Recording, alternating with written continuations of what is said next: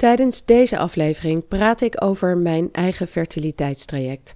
Naast mijn persoonlijke verhaal geef ik ook uitleg over de verschillende onderzoeken en handelingen die voorbij komen in een traject met donatie. Luister je weer mee?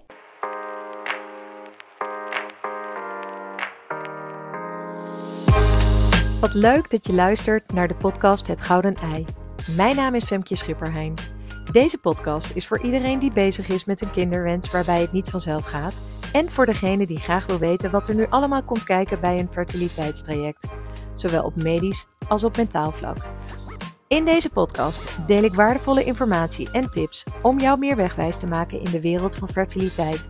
Ik neem je mee op reis door mijn eigen verhaal en ervaringen en ik ga in gesprek met ervaringsdeskundigen en specialisten. Laten we snel beginnen.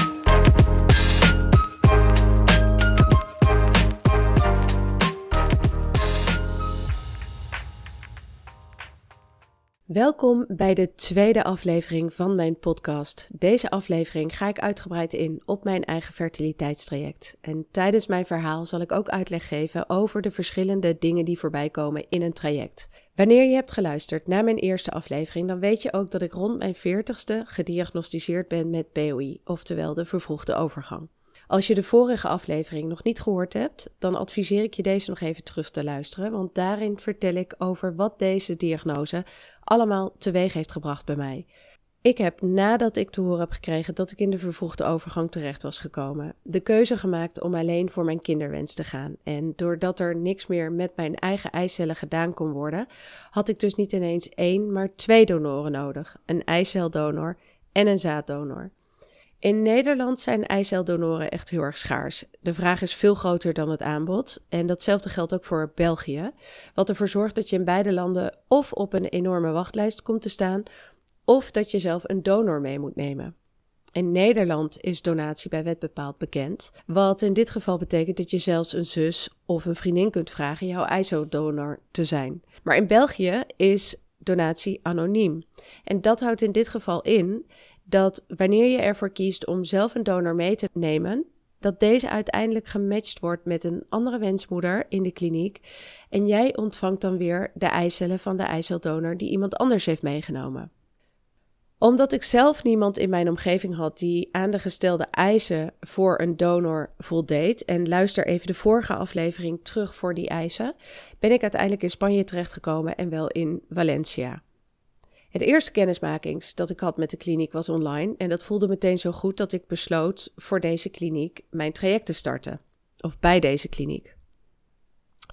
Maar omdat een vriendin van mij ook in Valencia was geweest voor haar behandeling en tevreden was over de kliniek waar zij was geweest, dat was een andere waar ik dus in eerste instantie mee gesproken had, vond ik dat ik die kliniek ook nog even moest benaderen. Want misschien was het wel een beetje gek om meteen op mijn allereerste gevoel, op die allereerste kliniek af te gaan en niet verder te kijken. En tegenwoordig zou ik veel beter naar mijn intuïtie luisteren, maar toen maakte mij dit nog onwijs onzeker. Dus ik zocht contact met die andere kliniek en die voelde voor mij al in eerste instantie wat commerciëler.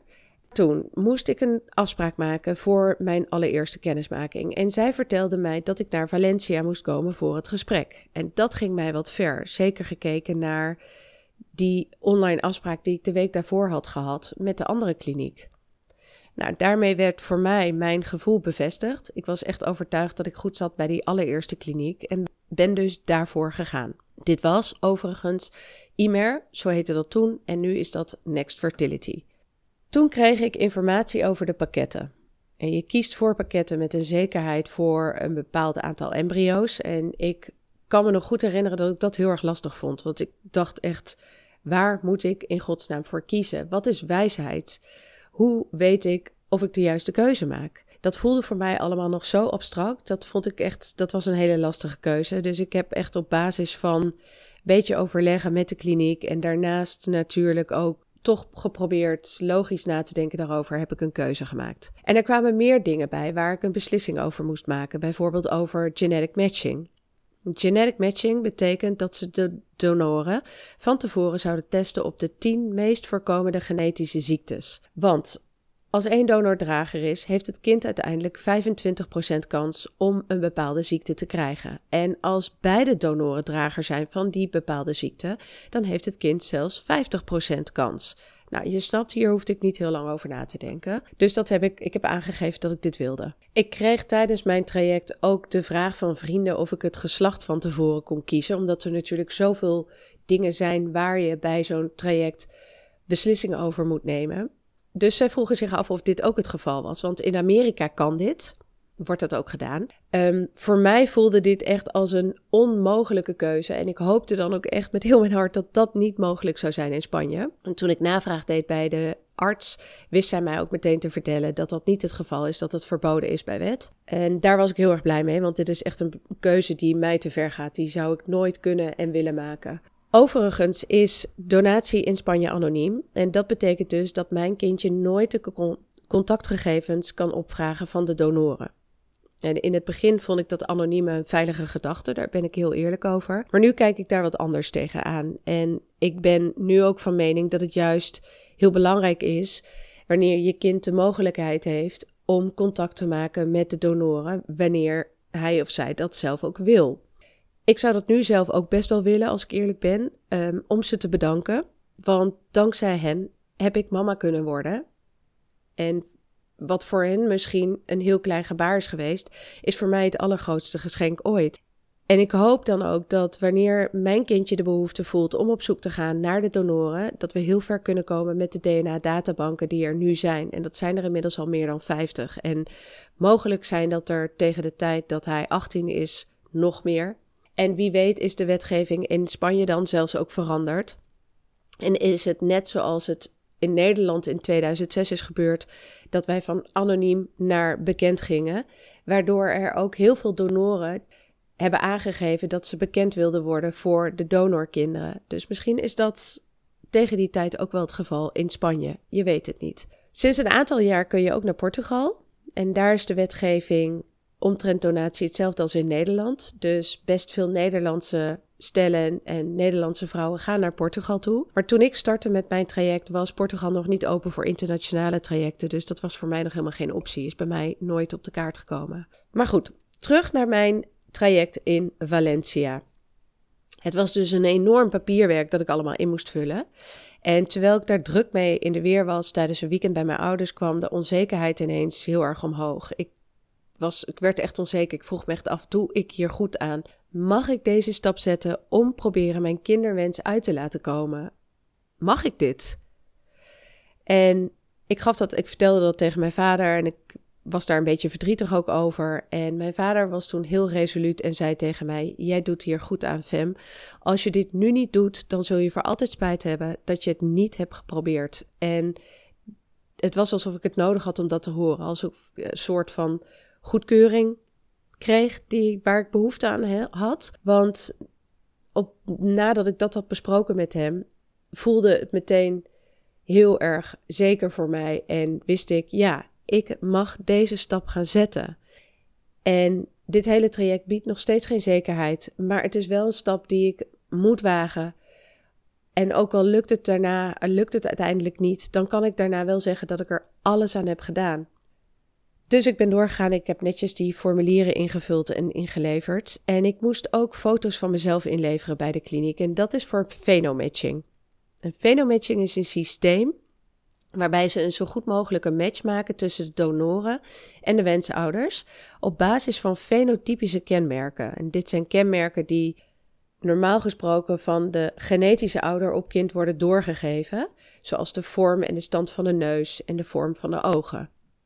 En afenotypische kenmerken zijn bijvoorbeeld dat een man een baard heeft laten staan. En dat is iets wat je natuurlijk niet zomaar door kunt geven van genetische ouder op kind. Terwijl ze in de kliniek op zoek gingen naar die perfecte match voor mij, werd ik ondertussen onderworpen aan allerlei onderzoeken. Er moest een bloedonderzoek gedaan worden, waarbij ik getest werd op hepatitis, SOA's, inclusief HIV. Ik kreeg een inwendig onderzoek met een hysteroscopie, omdat ik twee jaar daarvoor mijn spiraal operatief had laten verwijderen, omdat die verkleefd zat. Dus er moest door middel van een hysteroscopie moest er gekeken worden of er geen afwijkingen te zien waren in mijn baarmoeder. En tijdens zo'n ingreep, een hysteroscopie, kunnen ze dan ook zo mogelijk kleine ingrepen doen, zoals een polyp weghalen of een verkleving. Dat bloedonderzoek en de hysteroscopie waren allemaal uh, goed. Er was niks gevonden, dus ik kon toen ook nog verder met het allerlaatste en voor mij het leukste onderzoek voor, deze, voor dit traject. En dat was de mammografie. Ik denk dat heel veel vrouwen met mij bij het horen van dit onderzoek alleen al naar worden. Nou, mijn eigen mama heeft borstkanker gehad en sindsdien heb ik een extra angst gecreëerd voor dit onderzoek. Dus ik zag er gigantisch tegenop. En naast dat ik wist dat het ook nog eens heel erg pijn zou doen, was ik natuurlijk, had ik ook die angst gecreëerd rondom de ziekte van mijn mama. Dus ik ben heerlijk gespannen naar dat onderzoek gegaan. Mijn ademhaling was compleet ontregeld. Alle spieren stonden strak in mijn lijf. En je kunt je dus wel voorstellen dat het dan extra pijn doet. En dit zorgde ervoor dat ik nog meer mijn adem in ging houden. Met als resultaat dat ik uiteindelijk bijna tegen de vlakte ging. Echt geen grap. Een goed voorbeeld van hoe je dus niet zo'n onderzoek in moet stappen. En ook een supergoed voorbeeld van hoe belangrijk ademhaling is. Ze ontdekte wat kalkspatjes tijdens dat onderzoek bij mij, dus ik moest door naar een andere kamer voor verder onderzoek. En uiteindelijk bleek het allemaal een storm in een glas water en was het allemaal goed, dus ik mocht door. Dus tot zover liep het eigenlijk allemaal lekker. Uh, de onderzoeken waren oké. Ik was vol goede moed en um, de acties aan mijn kant waren we allemaal afgevinkt. Het was dus nu wachten op een match die bestaat uit een eiceldonor en een zaaddonor. En een paar dagen later was deze match ook gevonden en kon er dus begonnen worden met het bevruchten van de eicellen van de donor. Er zijn uiteindelijk zes eicellen die bevrucht konden worden en iedere dag kreeg ik dan weer een update van de voortgang van de bevruchting.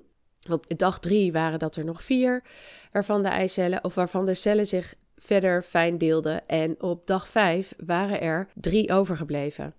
En ik weet nog goed dat ik dat zowel teleurstellend vond als dat ik daar heel blij mee was. Want jeetje, we waren begonnen met zes en nu waren er nog maar drie embryo's over.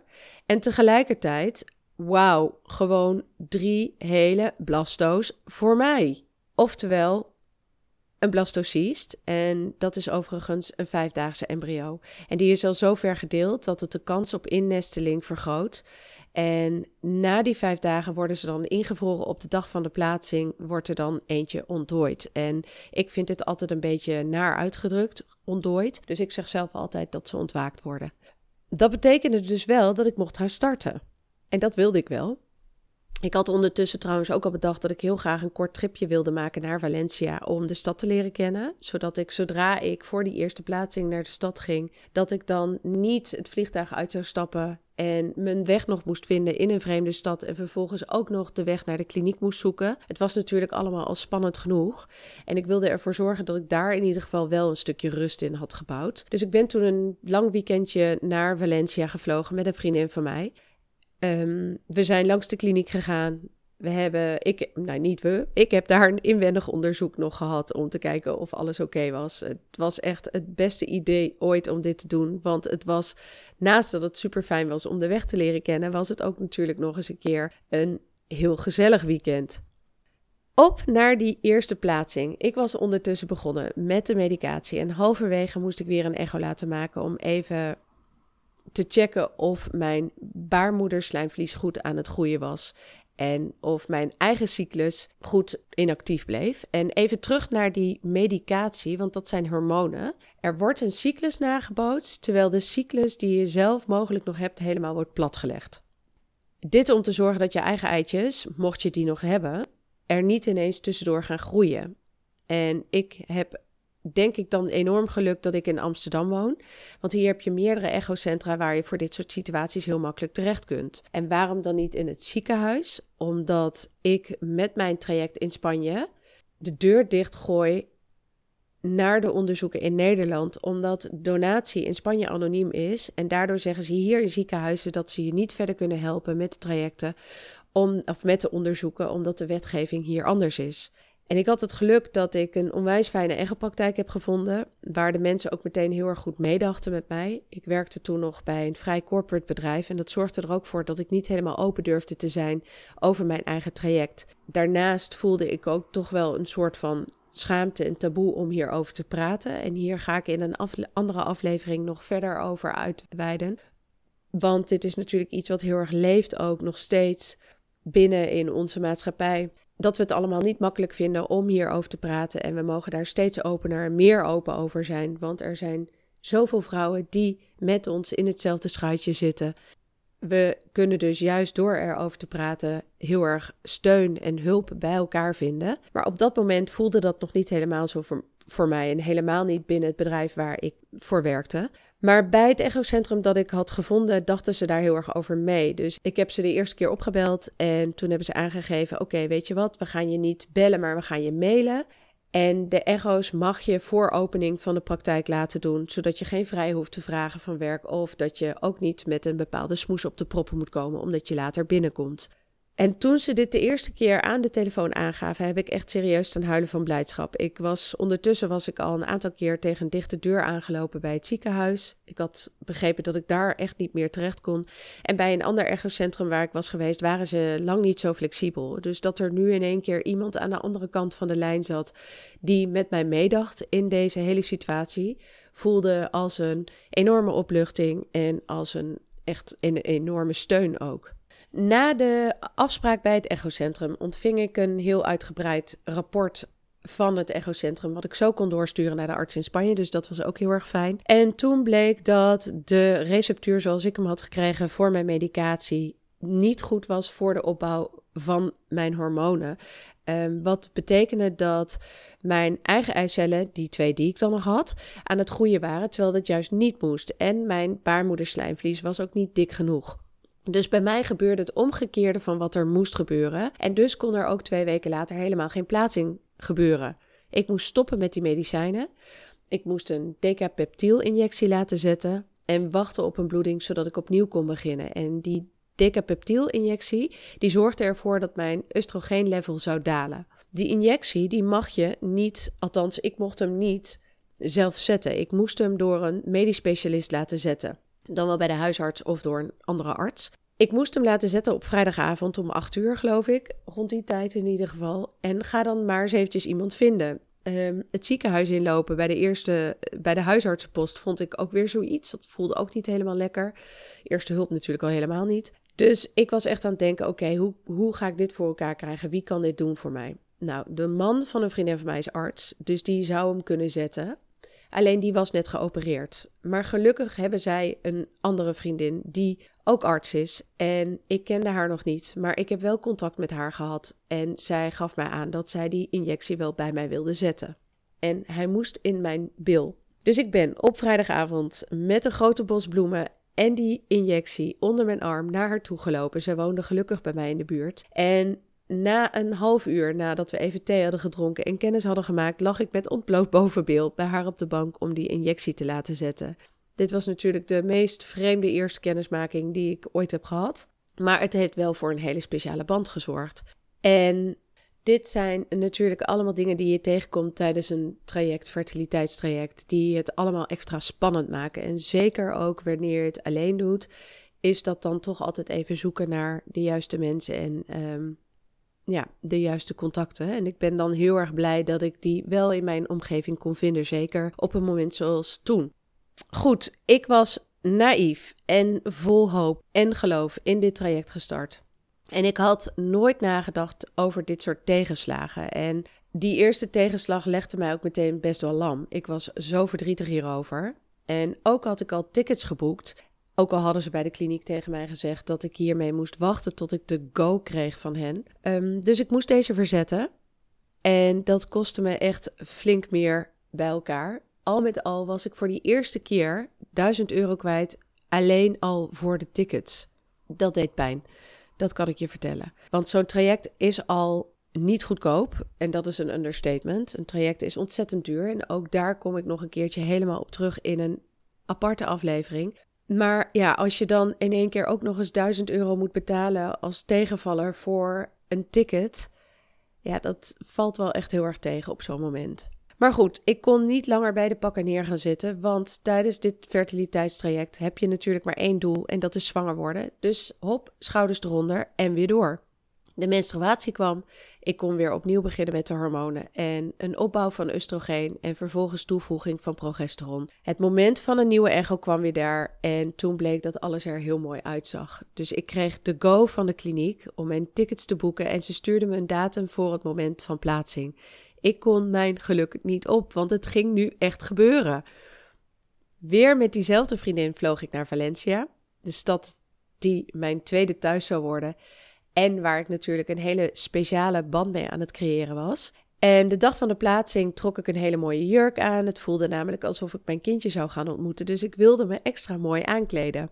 Vol goede moed en zenuwen vertrokken we richting die kliniek. We werden naar het kantoortje van de dokter, uh, dokter Lammens, gebracht. En toen volgde, volgde er een nieuwe teleurstelling. Want zij vertelde mij dat die eerste blastocyst niet goed was ontwaakt en dat ze deze dus niet konden gebruiken. Dus er was een tweede uitgehaald en die was wel goed gelukkig. En op dat moment, zelf tijdens dat gesprek, kon ik daar niet zo goed bij met mijn emoties. Maar toen ik eenmaal in dat kleine kamertje was van de kliniek waar ik mij om moest kleden en waar ik na de behandeling ook nog een uur zou moeten blijven liggen, kwam het wel even binnen. Ik kwam ineens ook een besef van hoe kwetsbaar dit hele traject ook bleek. En dat zette me wel eventjes. Ehm, nou, misschien was ik een beetje aan het zweven en dat zette me op dat moment enorm met beide benen op de grond. Ik moest me helemaal uitkleden en moest een groen schortje aan, bijpassend mutsje om mijn haar te bedekken. En lopend mocht ik naar de OK en gelukkig mocht mijn vriendinnetje met mij mee. Het was zo ver. Ik lag op dat bed in die donkere ruimte voor de eerste plaatsing. En op het scherm kon ik meekijken met de arts. En zij had door hoe gespannen ik was en dus hebben we eerst even gekletst. En toen gebeurde het. Een heel klein wit puntje zag ik op het scherm mijn baarmoeder inschieten. En dat was het ook meteen. Vijf minuten later werd ik mijn kamertje terug ingereden en daar mocht ik dan een uur blijven liggen om even de rust te pakken. Daarna weer op een hele rustige manier de wijde wereld in te lopen in de stad. En toen, toen waren daar die twee wachtweken, de langste weken ever voor mijn gevoel. Ik voelde me eerst heel erg vrolijk en fijn. Maar na een dag of negen werd ik heel zagrijnig. Ik irriteerde me aan alles. Ik voelde geen verschil. Ik had ook geen idee waar ik op moet letten. Dus ik had ook echt het gevoel dat ik van alles voelde en tegelijkertijd helemaal niks. Nou, je mind gaat echt met je aan de haal. En ik hield het niet meer. En ondanks dat ze tegen mij hadden gezegd dat ik moest wachten, ben ik toch zelf gaan testen. En ik was niet zwanger. Een paar dagen later moest ik alsnog bloed prikken en toen werd dit ook bevestigd. En dat was een dikke domper, groot verdriet. Een vriend van mij is toen midden op de dag met een fles wijn naar me toegekomen. En we hebben midden op de dag hebben we die fles wijn voor de helft soldaat gemaakt. En ik had al die tijd al geen druppel alcohol gedronken voor mijn traject. Maar op dat moment dacht ik: oké, screw it. Het kan even. Ik moest weer wachten op een bloeding. En ik moest daarna zelfs een maand wachten tot ik weer voor een plaatsing mocht gaan. Omdat ze dan ook willen dat je lijf eigenlijk een beetje rust krijgt. Maar inmiddels had ik wel door dat ook dit proces alles behalve een garantie biedt dat het überhaupt gaat lukken. Ondertussen had ik van iemand die hetzelfde traject heeft doorlopen te horen gekregen dat ik de arts eens moest vragen naar de ERA-test. Bij dit onderzoek nemen ze een stukje baarmoederslijmvlies weg, precies op het moment dat je eigenlijk een plaatsing zou hebben. En dat doen ze dan om te onderzoeken of het slijmvlies wel ontvankelijk genoeg is voor een blasto. Daarvoor moet je natuurlijk weer een hele cyclus opbouwen alsof je een plaatsing zou hebben. Ik heb dit toen voorgelegd aan mijn arts, omdat ik wist dat zij ook bekend was met dit onderzoek. En normaal gesproken doen ze dit onderzoek pas in een later stadium. Ik zou bijna zeggen wanneer het al een aantal keer fout is gegaan. Maar de kliniek heeft toen besloten om dit toch bij mij te doen. Ik ben weer begonnen met de hormonenopbouw. En om op die zogenaamde dag van plaatsing dan deze ingreep te kunnen ondergaan. En ik ben toen alleen naar Valencia gevlogen voor een nacht voor dit onderzoek. wat me toen het meest is bijgebleven van dat tripje, is hoe eenzaam ik mij voelde. En ik had wel heel fijn contact met de mensen in de kliniek. Ik kende de arts al die de ingreep deed bij mij. Het was een andere arts die mij behandelde. En ook de dame van patiëntenzorg had ik heel fijn contact mee. En zij is tijdens het onderzoek, het hele onderzoek bij mij gebleven. Maar toch was het onwijs eenzaam natuurlijk. En ja, ik liep daar wel een beetje met mijn ziel onder mijn arm in de stad. En er was niemand met wie ik even kon praten en die begreep waar ik het over had, buiten de mensen in de kliniek. Een paar weken later kwam uit dat onderzoek naar boven dat ik 12 uur later en dus ook één progesteroninjectie later de plaatsing zou moeten hebben. Dus dit werd ook weer zo meegenomen in mijn behandeling. Nou, op naar die tweede echte plaatsing. Ik mocht weer gaan opbouwen met hormonen. Ik kreeg weer een echo. Die zag er gelukkig weer goed uit. Dus ik mocht weer tickets boeken naar Valencia. En deze keer ging er een andere fijne vriendin mee. Die overigens drie maanden daarvoor net zelf was bevallen van haar tweede kindje. En toch koos ze ervoor om mij bij te staan. Ja, mijn vriendinnen hebben mij echt ongelooflijk fijn gesteund tijdens dit traject. En daar ben ik heel, heel erg blij mee. Misschien kun je je nog herinneren dat ik aan het begin vertelde dat er drie blasto's voor mij klaar lagen. En dat er bij de eerste plaatsing al twee verspeeld zijn. Ik had er nu dus nog maar eentje. En omdat ik niet voor de teleurstelling wilde, wilde komen te staan dat ik helemaal voor niets naar Valencia kwam, omdat die derde blasto misschien ook niet goed zou ontwaken, heb ik mijn arts gevraagd of er niet een extra blasto klaargelegd kon worden. Nou, hoe werkt dat nou? Het komt voor dat er wensouders zijn die in een traject hebben gezeten, waarvan de wens is vervuld omdat ze één, twee of meer kinderen hebben, maar die nog, meer, nog steeds een aantal blasto's hebben liggen. Het kan dan zijn dat ze die schenken aan de kliniek voor andere wensouders. Dit gebeurt alleen niet zomaar, dus dat hebben ze moeten overleggen. Maar de kliniek begreep mijn zorg en ze gingen akkoord. Er werd dus tussen de overgebleven blasto's werd er een match met mij gezocht op basis van mijn bloedgroep en mijn uiterlijke kenmerken. En je zult begrijpen dat ze hierbij geen venomatch kunnen toepassen. Goed, er lagen dus twee blasto's op mij te wachten. En weer met ongelooflijk veel zin gezonde spanning ging ik richting de kliniek. Ik had me wederom helemaal opgedoft, want ik ging vandaag toch echt mijn kindje ontmoeten. Ik bleef het manifesteren. Mooie jurk aan, haren goed, rode lippenstift op. In de kliniek moesten we even wachten. Ehm, de dame van patiëntenzorg kwam even dag zeggen en ze werd toen, toen we aan het kletsen waren, gebeld, sliep weg. En voor mijn gevoel duurde het best lang voordat ze weer terugkwam. Toen ze eenmaal terugkwam in de wachtkamer, zag ik meteen aan haar gezicht: oké, er is iets niet goed. En terwijl we naar de spreekkamer liepen, vroeg ik haar ook of ze slecht nieuws had. En het enige wat ze zei was ja. Eenmaal in de spreekkamer vertelde ze mij: het bleek dat beide blasto's, dus zowel mijn eigen match als de reserve, niet goed waren ontwaakt. En dat betekende dat ik mij voor niets had voorbereid, dat ik voor niets naar Valencia was gekomen en dat dus datgene waar ik zo bang voor was, was uitgekomen. Het draaide me letterlijk voor de ogen. Ik was ontzettend verdrietig en vol ongeloof. Omdat je bij een plaatsing moet je blaashal vol zijn. En ik was ondertussen, moest ik natuurlijk best nodig naar de wc. Ben ik even weggelopen uit de ruimte. Ook om even aan adem te halen. En terwijl ik op de wc stond voor de spiegel, ik zag mezelf staan. En ik dacht, hier sta ik dan. Op mijn allermooist aangekleed. Met mijn rode lippenstift op. En het voelde alsof ik met een glimmende, glinsterende feestjurk aan op een begrafenis stond. De lippenstift kreeg ik er op dat moment niet af. En toen ik eenmaal terug was in de spreekkamer en mijn vriendinnetje mij ging troosten, toen bleef mijn lippenstift netjes op haar witte t-shirt zitten. Nou, dat dit gebeurde met die blasto's was vette pech. Ze waren niet eens van dezelfde match en de kwaliteit van de blasto's was goed. Ze hadden zich alle twee goed gedeeld. De dagen daarna hebben mijn vriendinnetje en ik echt nog wel kunnen genieten van de stad. Ik had echt de juiste vriendin daarvoor meegenomen en we hebben echt heel veel lol gehad nog. Maar toen ik eenmaal thuis kwam ben ik echt ingestort.